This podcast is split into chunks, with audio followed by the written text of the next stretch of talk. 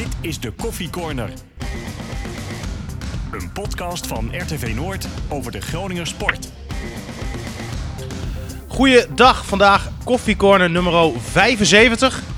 Te gast bij ons is uh, André Hatenboer, de vader van Hans Hatenboer natuurlijk. Uh, vanuit Finsterwolde, denk ik André, dat klopt?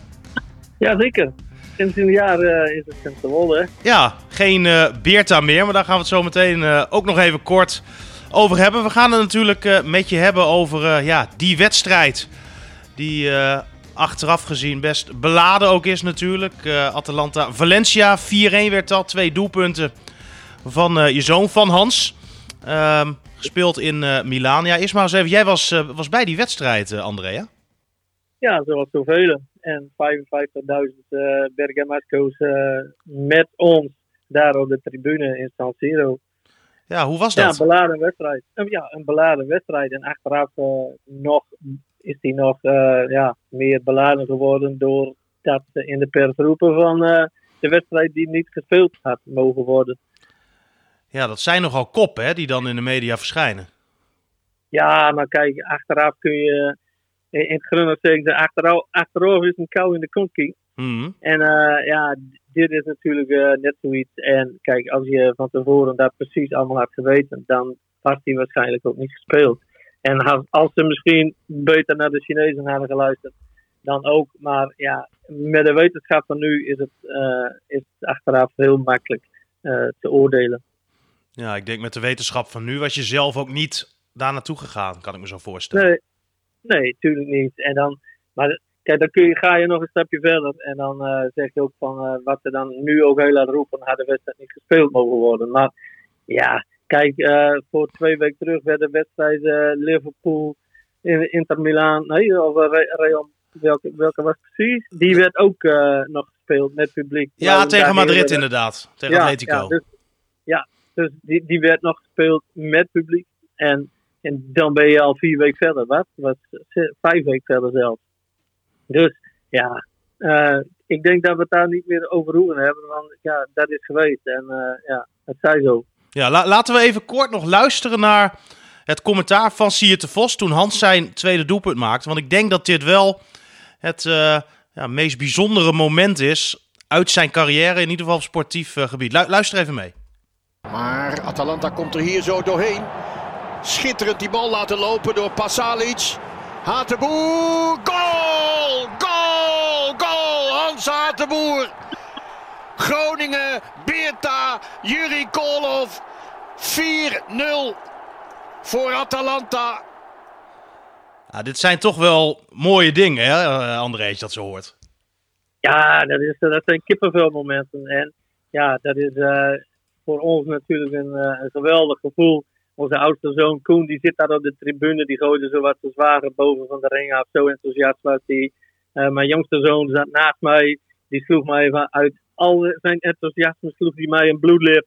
Weet je, dus, uh, mooier kun je het dan niet omschrijven. En dat hij dan, dat zie je de Vos dan zo enthousiast is door uh, Beerta, Juri Kolo erbij te halen. Dat is natuurlijk uh, voor uh, de Oost-Groningen is natuurlijk wel super mooi.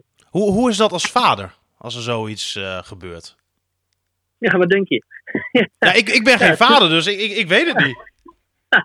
nee, maar ja, dat kun je je wel voorstellen. Toch? Dit is, voor, wat ik zeg, een euforisch momentje. Dat voor iedereen is dat geweldig. En dat je dan in de... Hij had nog niet gescoord de, dit seizoen. wel verschillende assists gemaakt. En dat je dan uitgerekend in een Champions League wedstrijd twee keer scoort ja, dan, uh, dan ga, je, daar, ga je uit je platen. Dat is uh, super mooi. Wat, wat, wat, hebben jullie na die wedstrijd gedaan? We zijn gewoon simpelweg naar huis gereden. Gewoon, en misschien ook, maar goed ook. Kijk, er zijn ook nog mensen de stad in gegaan, denk ik. Vanuit de, maar de meeste Bergamasco's die zijn uh, dus gewoon lekker teruggegaan naar Bergamo. Het was ook één lange file op de, op de, op de snelweg van Milaan naar Bergamo. En wij zijn ook vrij vlot na de wedstrijd uh, zijn we met z'n allen naar huis gegaan. En, ja. ja. en later kwam Hans thuis en uh, ja, hebben we het er nog even over gehad. Maar ja, de volgende, dan is het, uh, de wedstrijd was laat afgelopen. Dus je, we hebben er voor mij de dikke uur over gedaan om terug te rijden. En dan ben je dus laat thuis. En de volgende ochtend moest hij gewoon vrolijk weer trainen. Dus zoveel, we hebben gewoon met z'n allen de wedstrijd nog even beleefd. En de euforie besproken. En ja, en dan ga je lekker op bed van de volgende dag. is vroeg dag. Die wedstrijd die werd op 19 februari gespeeld, hè? iets meer dan een maand geleden nu. Hoe zag het leven toen in Bergamo eruit? Want jij was daar uiteraard. Maar nog heel normaal. Er, was uh, nog geen uh, crisis. En er waren wel wat besmettingen, maar niet in, in die vorm zoals het zich uh, later openbaarde. En, en, het is nu, nu dramatisch daar, dat wil je niet weten. En je hebt de beelden wel gezien. En ja, gelukkig is de hand veilig. En ja, die, die komt het huis niet uit. En ja, dat is uh, gelukkig maar. Maar er zijn heel veel uh, mensen zijn daar besmet. En ja, iedereen heeft de beelden uh, wel gezien en de, de, stukjes gelezen in de krant. Dat, is, ja, dat heeft een omvang. Ja, dat, dat kent zijn weergave niet daar in Bergamo. Nou, je zegt hè, Hans die is veilig. Dat is natuurlijk ontzettend fijn om te horen. Ik kan me ook voorstellen, wel, hè, ondanks dat er natuurlijk heel veel goede maatregelen voor al die sporters genomen worden, dat, dat je als vader toch ook wel een, een soort van angst hebt als je zo'n in zo'n stad zit, terwijl daar zo'n uh, ja, uitbraak is. Ja, zeker. Maar kijk, het, het, je moet dit loszien van de sporters. Uh, de sporters zijn een onderdeel van de maatschappij. En al die sporters, die, die moeten net zo goed een pas op de plaats doen als al de mensen die in Bergamo wonen. Bergamo wonen. Dus die, die hebben dus, iedereen heeft zijn voorzorgsmaatregelen getroffen. En dat is niet uh, uitzonderlijk dat de sporters daar extra uh, dus voorzorgsmaatregelen hebben genomen. Maar ook de mensen in Bergamo zelf. Dus voor ieder is het gelijk. En dat is hier in Nederland precies net zo. Degene die niet goed oppast, kan wel eens aan de beurt zijn. Is het voor dus, sporters misschien uh, juist wel makkelijker? Dat, ja, dat weet ik eigenlijk niet. Ik denk het niet. Ik denk het niet. Kijk, uh, sporters zijn ook normaal denkende mensen. En ook sporters die zijn uh, ook best wel slim genoeg om zich daartegen te beschermen. En dat doe ik ook. En dat doe jij ook. Jij werkt ook vanuit huis. Ja, ja. Dus, dus je, je moet het zo zien dat iedereen die niet goed oppast, uh, kan een potentiële uh, patiënt worden. Ja, angstig eigenlijk, hè? Dat is best heel angstig, ja zeker. Maar ik ben niet angstiger voor Hans voor mijn andere twee zoons. Kijk, Koen werkt gewoon, Thijs die werkt ook nog in, in een.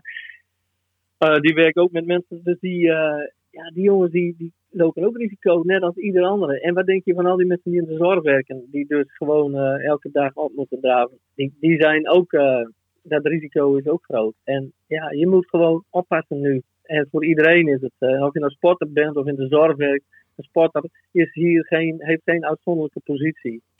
Nee, en toch zie je vaak dat de aandacht ja, toch naar mensen hè, verlegd wordt. In ieder geval dat er veel aandacht besteed ook wordt aan mensen die normaal gesproken natuurlijk in een gewone situatie ja, ook vaak in de media verschijnen.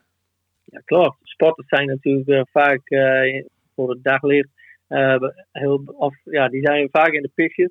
En als je dan zoals Hans in Bergamo dan met het in de Champions League bereikt en dan twee keer scoort ja, ik kijk naar nu al die Olympische sporters die dus nu hun droom weer een jaar moeten vooruitschuiven.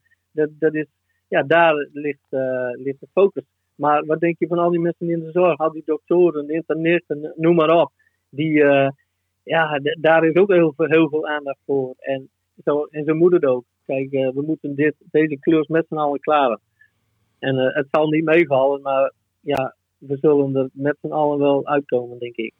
Ja, om dan nog even kort bij de sport te blijven. Hè. Je zei eerder al, het gaat, gaat goed um, hè, met Hans. En nou ja, daar hoeven we het voor de rest ook niet uh, heel veel verder over, uh, over te hebben. is in ieder geval positief om te horen. Alleen het is dan denk ik wel wrang dat uh, die wedstrijd hè, tegen Valencia, het historische, een historische wedstrijd eigenlijk was hè, van, van Atalanta. En dat dat er nu toch misschien ja, wat anders uitziet wat dat betreft. het doet er ineens ja, niet meer toe. Nee, nee, dat klopt. Maar in de context van, van dit hele gebeuren is sport ook niet meer belangrijk. Er gaan uh, ontiegelijk veel mensen dood in Bergamo over de hele wereld. Kijk naar wat er straks in Amerika gaat gebeuren. Hmm. In Nederland uh, is het idem dito. Dus uh, eigenlijk is sport nu niet meer belangrijk. En kun je dat gewoon aan de kant schuiven. En het, het is, natuurlijk is dat brang. Maar het is ook brang als je oma doodgaat. Of je vader, of je moeder, of noem maar op. Dat is veel branger.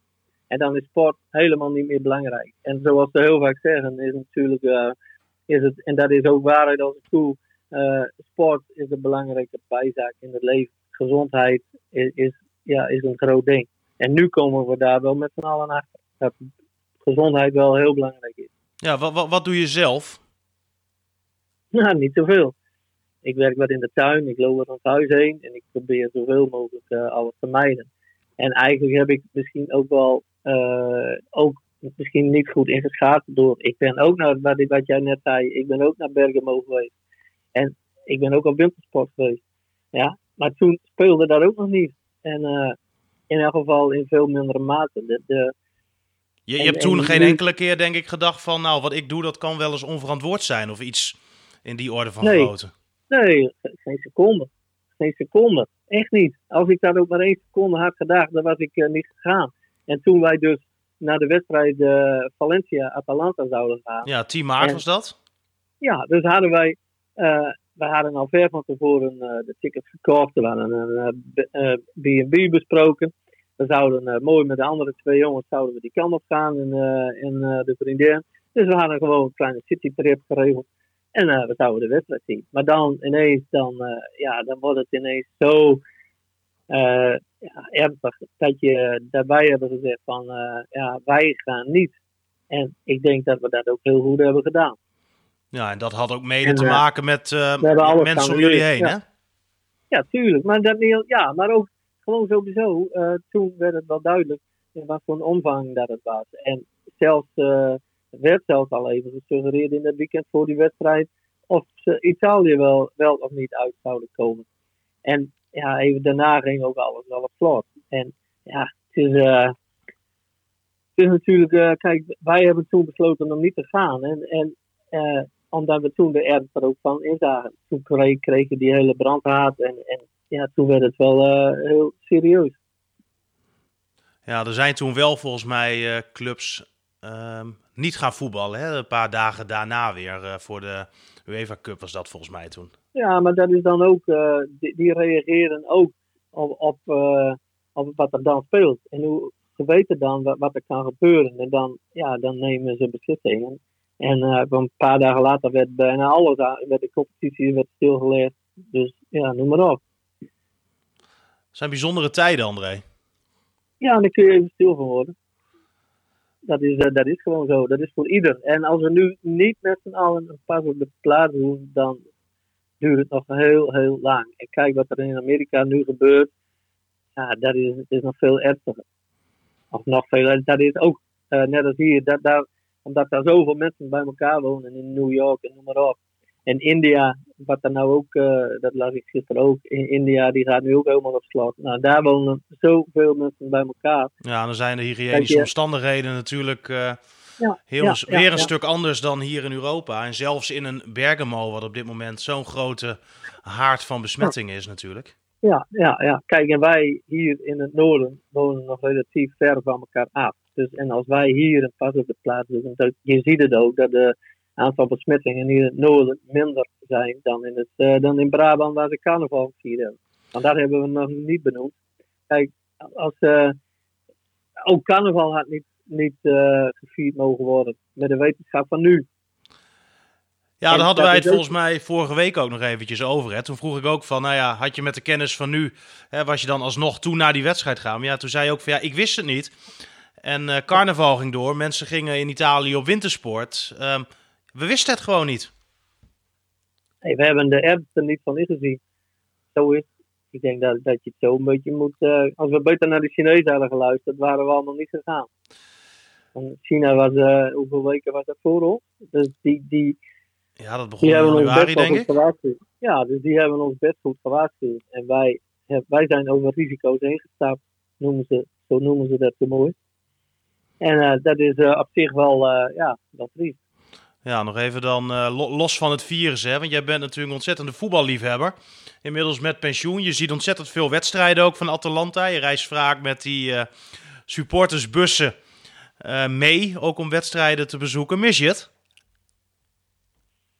Ja, kijk, je, zo kun je het eigenlijk niet noemen. Je, je, mist het nu niet, omdat je nu al belangrijke zaken aan je hoofd hebt. En dan wordt de hele sport wordt naar de achtergrond geduwd.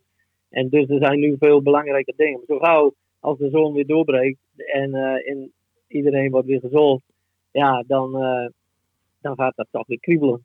Ja, en dat is niet alleen voor mij, dat is voor iedereen zo. Dat het nu bijzaak is, dat is denk ik uh, een understatement. En daar is iedereen het ook mee eens. Maar ja, ik merk wel aan mezelf bijvoorbeeld dat ik uh, ah, door de week, s'avonds, ben je toch vaak gewend om uh, even een potje voetbal te kijken. denk ja, ik, ik mis het wel. Hè, ondanks dat ik er alle begrip voor heb en begrijp dat het momenteel niet doorgaat. Ik, ik, ik, ik mis het wel gewoon, het voetballen. Ja, nee, dat staat, uit buiten kijf dat we het wel missen. Maar aan de andere kant ja, je moet ook een beetje relativeren en pak dan eens een keer een mooi boek waar je niet aan toe kwam. Dus uh, dat is, uh, het is jouw werk en mijn werk niet. Ja. Dus uh, zo gauw als het de balletje weer gaat rollen, dan, dan gaan we er weer achteraan. En dan, dan zien we het wel weer. Kijk, we hebben drie zoons die alle drie voetballen. Dus we zien wedstrijden genoeg. En straks ook weer. Dus dan is het leuk om die kant weer op te gaan. En ja, laten we maar hopen dat, dat het dat we gauw weer uh, die kant op kunnen. Ja, in ieder geval uh, goed om te horen, André, dat iedereen uh, gezond is. Hans, maar ook de andere zoons, iedereen ook in de familie in ieder geval. En dan ja, wil ik je even danken voor je tijd. En. Dan zou ik zeggen tot de volgende keer. En dit was Coffee Corner nummer 75 alweer. Wederom dus vanuit huis. En dit keer was mijn gast André Hatenboer.